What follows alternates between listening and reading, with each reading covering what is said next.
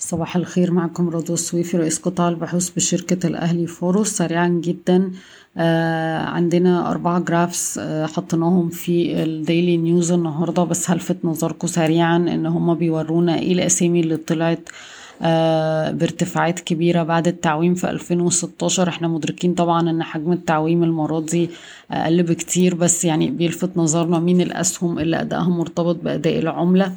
والأسهم اللي زادت أكتر من 75% في شهرين بعد التعويم في 2016 كانت عز Steel وعز دخيلة اسكندرية لتداول الحاويات بنك أبو ظبي الإسلامي مصر أموك لاسيكو جاما نساجون الشرقيون وبنك كريدي أجريكول مصر.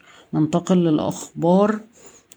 بشكل عام صافي الخصوم الأجنبية في النظام المصرفي كان مستقر بشكل واسع في شهر يوليو عند 19.4 من عشرة مليار دولار أمريكي مقارنة ب 19.7 من عشرة مليار دولار أمريكي في يونيو نتيجة أن صافي الخصوم الأجنبية في البنك المركزي.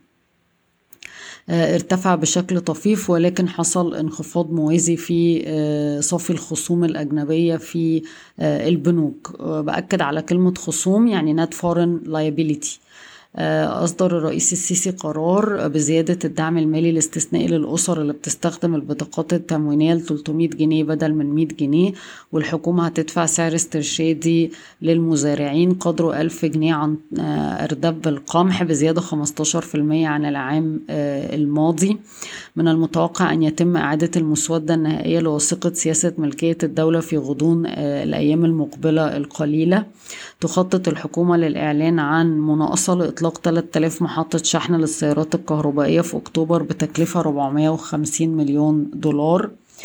آه ال consortium اللي هيأسس مصنع هيدروجين أخضر بقدرة ميجا وات في العين السخنة اللي هما Scatec Fertiglobe و Orascom Construction هيحصلوا على الأرض من هيئة الطاقة المتجددة بنظام حق الانتفاع.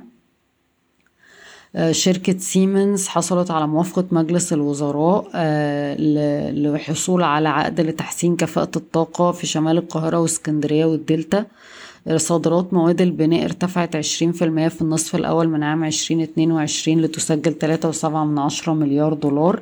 فيليب موريس بدأت تصنع السجاير محليا من خلال شركة UTC بعد تأجير خطوط الإنتاج من الشركة الشرقية للدخان ثلاث سنين. وبفكركم طبعا إن الشركة الشرقية بتمتلك 24% حصة في شركة UTC. استجاب 14 وتلاتة من مساهمين دومتي للعرض المقدم من Expedition Investments وده بيمثل اتنين وأربعين في المية من الأسهم المطلوبة وده لحد دلوقتي لسه فترة العرض ما انتهتش. المصرية للمنتجعات سجلت خسائر في الربع التاني من عام عشرين اتنين وعشرين ستة واتنين من عشرة مليون جنيه وبالتالي الخسائر في النصف الأول من عام عشرين اتنين وعشرين سبعة وسبعين مليون جنيه. بالم هيلز أعلنت عن برنامج شراء أسهم خزينة من 31 أغسطس ل 30 نوفمبر يصل إلى 150 مليون سهم. العربية لإدارة الأصول وافقت على اتفاقية تطوير مشترك مع رامو لقطعة الأرض في طنطا. عائدات العربية لإدارة الأصول هتكون 29% حصة. وهتستلم 40 مليون جنيه دفعة مقدمة عند توقيع العقد. مركز اسكندرية الطبي عين أندرسون مستشار لدراسة عرض المقدم من تواصل ولايم فيست. بشكركم ويوم سعيد.